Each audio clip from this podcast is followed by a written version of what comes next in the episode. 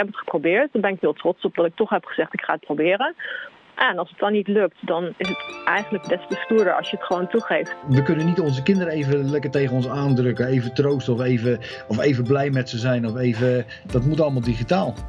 Op de paar keren nadat we in Nederland zijn. Ik heb één keer uh, met een uh, verkeerde stuurbeweging achteruit heb ik met een wiel in de afgrond gestaan.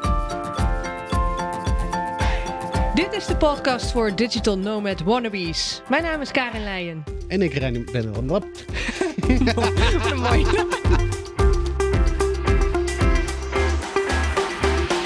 Dit is de podcast voor Digital Nomad Wannabes. Mijn naam is Karin Leijen. En de mijne, Rennie Vermeer.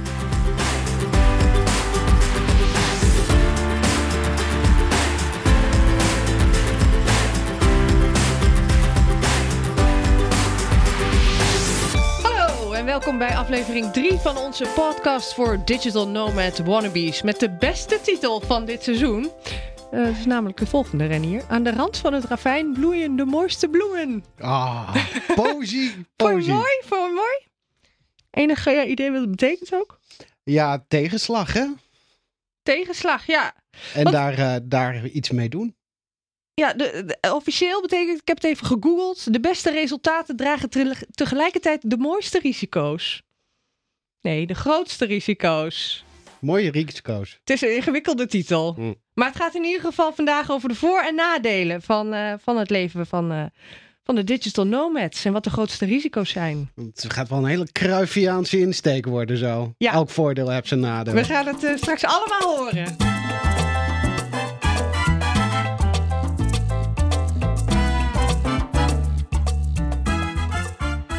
Lekker werken in de zon en na elke opdracht een factuurtje uitschrijven.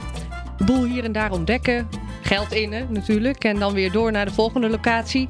Dat is natuurlijk wel het ideaalbeeld van het leven als, uh, als digital nomad. Maar net als bij elke andere baan heeft het leven ook voor en uh, zeker ook nadelen.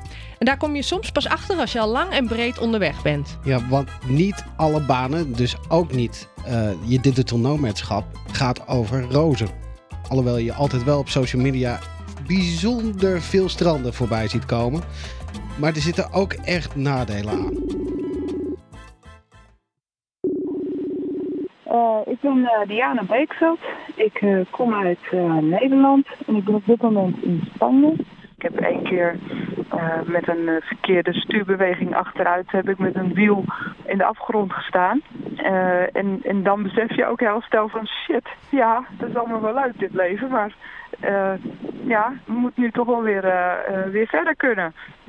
dus dat was even spannend. En dan, ja, dan ben ik wel even angstig. Zo van ja, ja, je, het is ook het, het, onbekende wat je, wat je aan de ene kant als avontuur ervaart, maar aan de andere kant dus ook gevaarlijk kan zijn. Ja, maar je moet het allemaal wel zelf oplossen op dat moment. Ja, nou zelf oplossen. Ik heb, ik heb in Spanje met name heel erg goed gemerkt dat, en dit was dan in Frankrijk, dat mensen je echt heel graag willen helpen. Ben je tegen praktische problemen aangelopen? Bijvoorbeeld omdat je heel veel in het buitenland bent uh, en niet fysiek bij een postadres kunt? Uh, praktische probleem is op dit moment uh, wat ik om, om, de auto goed verzekerd te krijgen. Verzekeringen, de, instanties. Ja, ja, ja, dus wetgeving, dat, dat vind ik wel het moeilijkste. Want daar is de meeste wetgeving is niet voorzien voor deze groep mensen. Maar tegen wat voor praktische problemen, hoe, hoe uitzicht dat dan? praktisch, je kunt hier in Spanje kun je, je auto APK laten keuren. Dat is officieel bij het RDW aangesloten garages. Kun je ook op de site van RDW vinden. Dus dat betekent dat je twee jaar, hè, ik moet auto elk jaar uh, keuren, dan zou je twee jaar niet in Nederland hoeven zijn met de camper. Maar dat vindt dan uh, de, de verzekering van je auto niet goed. Maar kun je hem dan niet gewoon ieder jaar laten keuren? Ja, dat doe ik dan ook. Alleen deze, de optie was bijvoorbeeld dat ik het hier in Spanje zou doen zodat ik niet helemaal terug naar Nederland hoefde. Mhm. Dus dan kan je het rondje iets langer maken. Uh, en dan kan je zelf uh, terugvliegen en in Nederland zijn voor die komende... Je mag uh, zoveel maanden per jaar moet je in Nederland zijn. Ja. Maar dat, uh, die, die, constructie, daar is de wetgeving dus niet op, op uh, in voorzien. Want je bent van de wet verplicht om je auto te verzekeren. En vervolgens is er verzeker, geen verzekering die je dekking wil geven voor die periode. Die zeggen, nee, dat, dat, dat voldoet niet aan de richtlijnen. Nee, je auto is uh, te goedkoop. Hè, er moet minimaal een taxatie van zoveel euro zijn. nee, uw auto is te oud. Of, nou ja, en dan, dan denk ik wel, hè, dat is ook wel weer grappig om te merken dat je aan de ene kant wil je uit dat systeem. Hè, dat is een bewuste keuze waarom jij niet uh, huisje, boompje, beestje structuur aanhoudt. Maar als dan, als dan de wetgeving ervoor zorgt dat je er niet wordt ingesloten, dan is het wel een heel raar gevolg. Dat is natuurlijk geen eigen keuze. Dus daar moet nog een, een oplossing voor vinden. Ja, past niet in het hokje, maar de bureaucratie achtervolgt je wel. Ja, exact. Zijn jullie uitgeschreven in Nederland trouwens en in Suriname? Dus jullie zijn echt compleet los? Wij zijn los. En dat is heel lastig hoor, om los te zijn. Nou, dat, dat, dat vraag ik me dus wel af. Want je loopt tegen een hele hoop praktische dingen loop je aan, omdat je bijvoorbeeld geen postadres meer hebt. Nee, nee, nee dat klopt. Dat, probleem speelt nu. Want uh, wij hadden ons huis in Suriname nog. En uh, dus dat gebruikten we gewoon als uh, ons adres. Maar dat hebben we vorig jaar verkocht. Wij krijgen nu het belastingformulier. Ja, woonadres, ja, dat hebben we niet. Dus nu zijn we al eindeloos bezig met bellen. En de Belastingdienst weet er natuurlijk ook geen antwoord op. Dus die schrijft heeft dat beloofd weer door. Antwoord, heeft beloofd antwoord te geven op onze dat brief. doen ze niet. Doen ze niet. Dus uh, toen dachten we, nou oké, okay, dan nemen we een briefadres in Nederland. Nou, dat, uh, dat is helemaal een drama. Dus daar hebben we nu een officiële afwijzing voor gekregen. We werden nog net niet gearresteerd of doodgeschoten. dus ja, dat, uh, je, je loopt tegen dingen aan, want er zijn niet echt wetten voor. Dus dat, daar krijg je gewoon mee te maken. Ja, en dat is een kwestie van een beetje creatief zijn, denk ik. Ik zou, ik zou het anders ook niet weten. Maar dat maakt het wel heel erg ingewikkeld. Want waar sturen ze bijvoorbeeld een nieuwe bankpas naartoe? Of eh, de Belastingdienst doet een hele hoop digitaal tegenwoordig, maar lang niet alles. Ja. Nee, nee. Nou uh, in Suriname, ze waren er inmiddels achter. Want in Suriname werd de post bijna niet bezorgd. Dus toen kregen we op een gegeven moment uh, de belastingformulier en dan de eerste herinnering, tweede herinnering, het dwangbevel van de koningin. Dat kwam dan allemaal in één keer. Dus toen had de Belastingdienst zelf ook wel door dat dat niet werkte. En toen mochten, we, toen mochten we een postadres in Nederland. Dus de, voor de belasting hebben we nu een postadres in, uh, in Nederland. En soort dat, van. En dat gaat tot nu toe goed. Dus... Uh, maar heb ja, je, heb, je je natuurlijk niet als woonadres gebruiken. heb, je, heb je tips voor mensen die dit overwegen, hoe ze dit het beste kunnen aanvliegen? Uh, Niet uitschrijven. Vooral niet uitschrijven. Ik denk dat het is makkelijker om uh, ingeschreven te blijven. En uh, hopen dat er geen gezeur van komt. We, we kennen een aantal mensen die rondreizen. En die zijn nog steeds ingeschreven. Wat officieel helemaal niet kan. Want ze zijn niet vier maanden aaneengesloten in Nederland elk jaar. Uh, dat doet nog niemand moeilijk, want de Belastingdienst weet ook niet wat ze moeten. Er is een lacune in de wetgeving. Ze weet ook niet wat ze met dat soort mensen moeten. Uh, ja, het, het, is gewoon erg lastig als je uit, eenmaal uitgeschreven hm. bent en je woont niet, je bent niet ingeschreven in een land wat een belastingverdrag heeft met Nederland. Heb je een probleem? Heb je een probleem? Ja, en wat je ook doet, het mag niet. Dus ja. Maar dit klinkt ook een beetje alsof je van het kastje naar de muur gaat en dat je ja, ergens joh, gewoon in een gekkenhuis belandt. En op een gegeven moment denk je, joh, laat maar. Ik, uh, ik vind het allemaal wel goed. Het leuke aan dat, aan dat hele digital nomadschap is natuurlijk dat je heel erg veel reist en heel veel kan zien in de omgeving. En dat je werkt met je laptopje en onder een palmboom en zon. zo. En zon, heel veel zon en zo. Dat begint ook wel een beetje te wennen. Uh, vooral ook omdat je dat heel lang achter elkaar doet. Dus uh, in Nederland, als het dan één dag zonnig is, dan denk je, oh halleluja en zo. Maar daar is het altijd zonnig. Dus dat begint een beetje te wennen. Maar er zijn ook nog steeds wel momenten dat je dan zo'n soort van bliss hebt van... Oh, wauw, dit is toch wel echt heel cool wat ik nu aan het doen ben. Voor mij kan ik, ik kan alleen voor mij spreken. Uh, dat betekent heel veel vrijheid, heel veel avontuur en natuur. Uh, en, en, en cultuur. Uh, dus het, het, ontmoeten van mensen. Het, het spreken in verschillende talen. en, en verschillende onderwerpen. Je, je bent niet zozeer bezig met, met het nieuws, wat, het wereldnieuws. Maar je bent tijdens een, een, een kampvuurgesprek ben je bezig over, over ruimtevaart of over zonnepanelen. En, dus het, het gaat eh, je verdiept je kennis in, in, op heel veel vlakken en op, op heel veel eh, gebieden eh, door de andere mensen te ontmoeten. We hebben ook aan de Caribische Zee hebben we zitten werken. Eh, Argentinië met die walvissen. Oh, die walvissen. Ja. Dat? De Peninsula Valdes. Zaten Ja. we in een baai. Daar kwamen walvissen kwamen daar eh, springen en, en jongeren, jongen eh, werpen, zeg maar. En eh, nieuwe jongen maken. En, en daar zaten we dus gewoon op uit te kijken. En dat, dat, dat soort werkplekken. Oh. We hebben nu zowel voordelen als nadelen gehoord van het leven als digital nomad. En in veel gevallen slaat de weegschaal eh, door naar de voordelen. Daar zijn wij ook voor. Ja, voordelen zijn cool. Maar er zijn ook, eh, er zijn ook nadelen. En eh, soms wegen die gewoon niet op tegen de voordelen. En dan is het misschien wel verstandig om terug te keren naar Nederland. En ook best moedig als je dat durft te erkennen en als je dat ook gaat doen. Bijvoorbeeld Antoinette Spaan, die spreken we zo.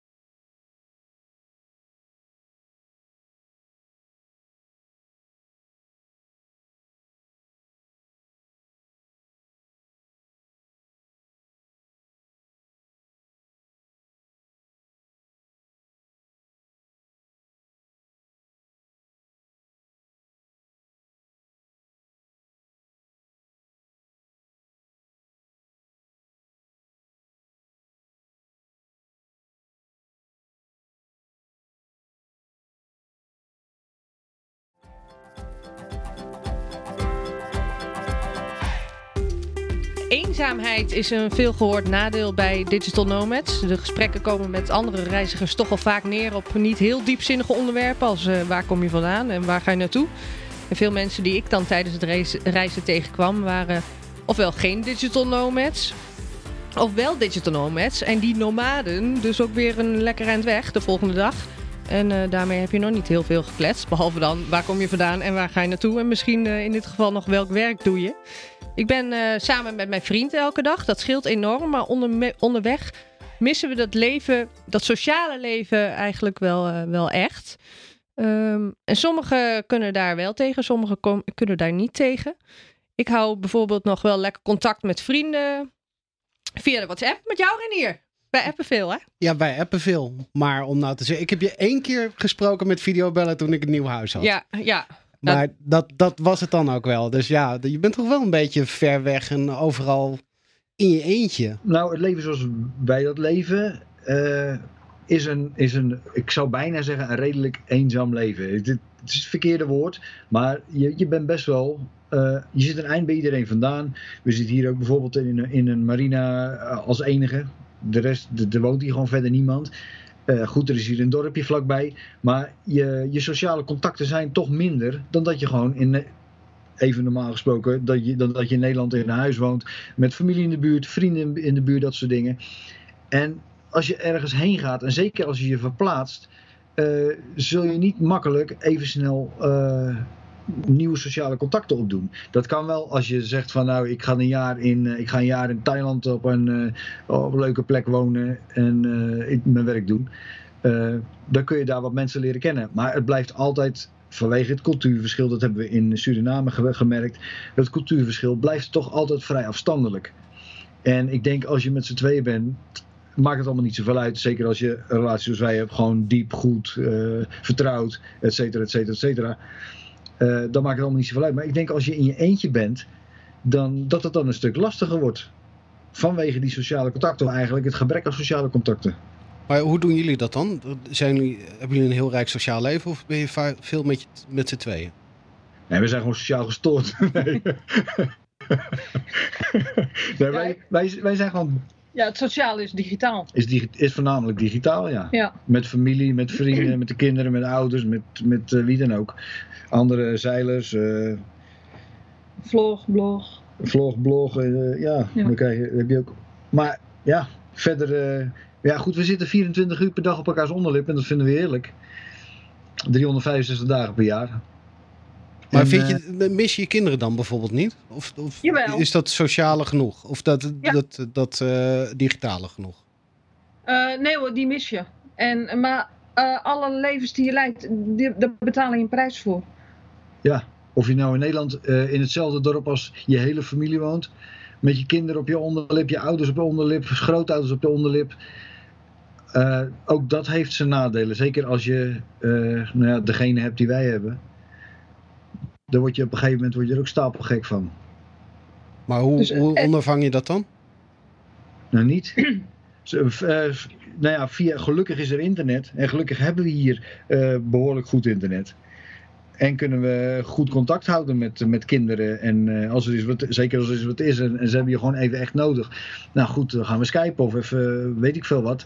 En, en dan ben je toch een beetje bij elkaar. Maar ja, het is natuurlijk niet. Het is natuurlijk niet het echte. Ik, eh, we kunnen niet onze kinderen even lekker tegen ons aandrukken. Even troosten of even, of even blij met ze zijn. Of even, dat moet allemaal digitaal.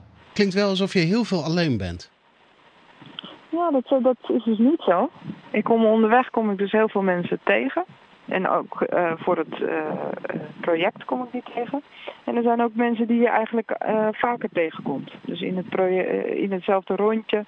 Eh, die hebben dezelfde behoeftes. Dus die, eh, ja, die kom je en denk je, oh wacht even, die, die, eh, Engelse, die heb ik ook al drie keer gezien.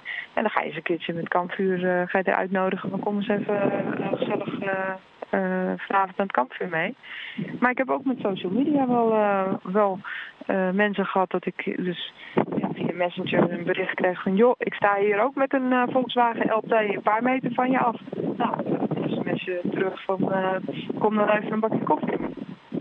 Aan de andere kant, eh, via Instagram ben ik ook al... eh, zag iemand dat ik dus bij een baai stond en die, is naar me toe gelopen, een Italiaanse jongen, digital nomad. En die zei, je moet hier staan, want dan heb je de zonsopgang en de zonsondergang. dus ja, je trekt eigenlijk toch met elkaar op. En ik kan ook wel heel goed alleen zijn. Dus eh, na twee of drie dagen dan, eh, dan zorg ik zelf wel dat ik weer in de sociale gebeuren kom. Maar als ik die behoefte niet heb, dan eh, trek ik de natuur in. Ja, dat het leven als digital nomad niet alleen maar roze geur en maneschijn is, daar kwam eh, Antoinette achter. En jij sprak haar, hè, Renier? Mhm. Mijn, eh, mijn relatie van 15 jaar ging uit en mijn vader overleed. En vervolgens eh, moest ik ook mijn nieuw appartementje uit. En dat gebeurde allemaal binnen een periode van drie maanden. En toen dacht ik, meer tekens dan dit zijn er niet, of zijn er niet nodig om mij te doen inzien dat dit het juiste moment is om alles op te zeggen en te vertrekken. Vol enthousiasme of in, in een hele roerig moment in je leven ben jij vertrokken. Vol overtuiging, ik ga dit doen, dit gaat me lukken. En uiteindelijk is er ergens in een, in een land ver weg, is er een moment gekomen dat je denkt, kut. Ja. Dit Ja. wil ik niet. Maar waar was dat en hoe voelde dat? Dat was eigenlijk best wel snel bij mij. Dat was, ik ben per 1 juli eh, ben ik gaan reizen. En ik wist eigenlijk zo'n beetje 1 oktober wist ik al van, nou ja, ik heb nog dit en dit gepland, die tickets geboekt. En daarna ga ik een lekker een huisje voor mezelf zoeken. Ergens. Gewoon iets heel goedkoops eh, in Arnhem waar ik vandaan kom. Al is het maar een kamertje of zo. Maar ik, ik, ja, ik woonde op dat moment had ik een, eh, in oude kamer in mijn ouderlijke huis waar mijn broertje woont. En dat was gewoon niet mijn plekje. Ondanks dat ik daar opgegroeid was en ondanks dat ik daar meer dan welkom was, had ik toch het idee van dit is niet mijn, mijn, mijn huisje. En ja, dan kom je er toch ineens achter dat hoe avontuurlijk je ook bent en altijd gedacht hebt eh, dat je dat bent, dat het dan toch ineens wel, wel een beetje wegvalt. En dat je denkt, ja, maar ik mis toch wel gewoon mijn plekje. Waar ik gewoon altijd terecht kan en waar ik me thuis kan voelen. En dat was dus denk ik ehm, in oktober zo'n beetje. Toen zat ik op, eh, in Indonesië, op Bali of op Lombok, een van de twee.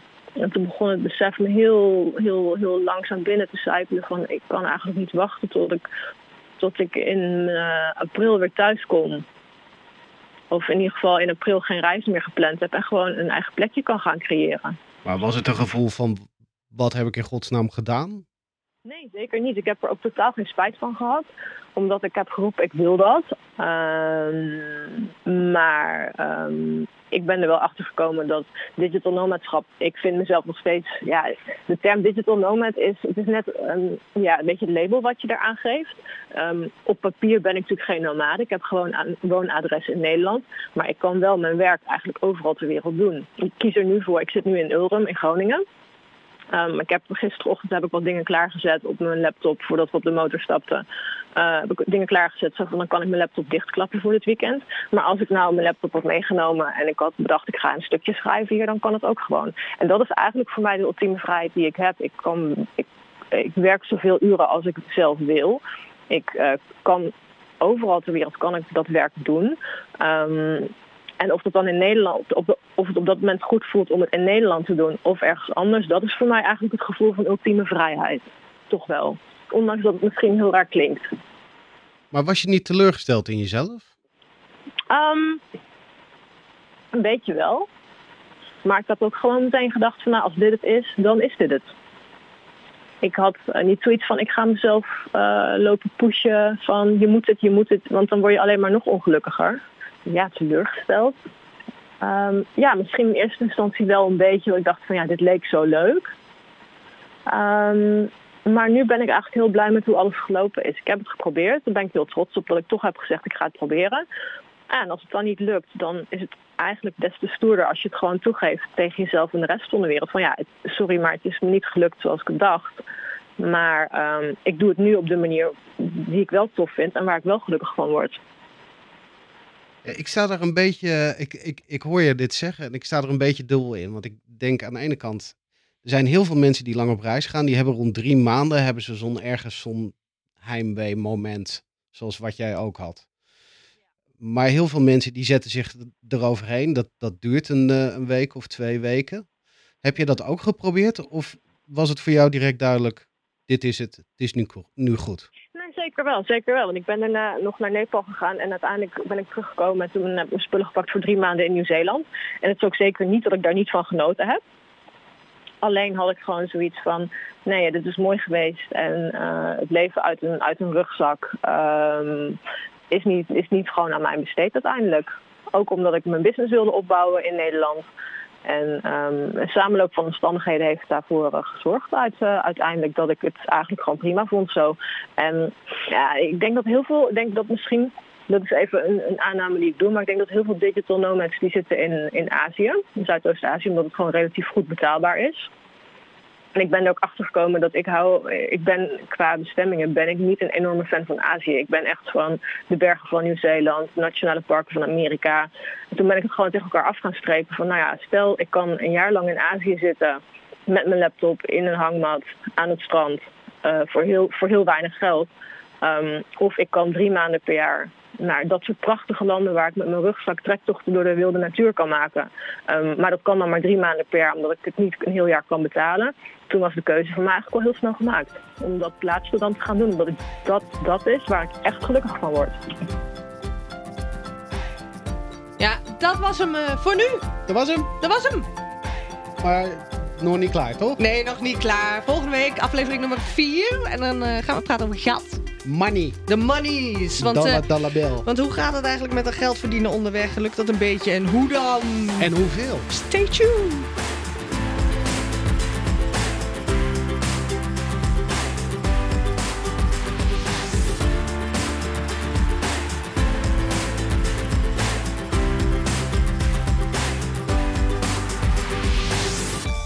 Podcast voor Digital Nomad Wannabes is mede mogelijk gemaakt door... Tickettipper.nl, een dagelijkse verzameling van de allerbeste vliegticketdeals. En opgenomen in de studio van Dick Klabbers. Voor meer informatie dickklabbers.nl. Bedankt aan, aan hun natuurlijk, maar we bedanken ook even onze Digital Nomads die hebben meegewerkt. Sophie, Wim, Anja, Anja, Diana en Antoinette. Dank jullie wel. Safe travels. En tot de volgende podcast voor Digital Nomad Wannabes.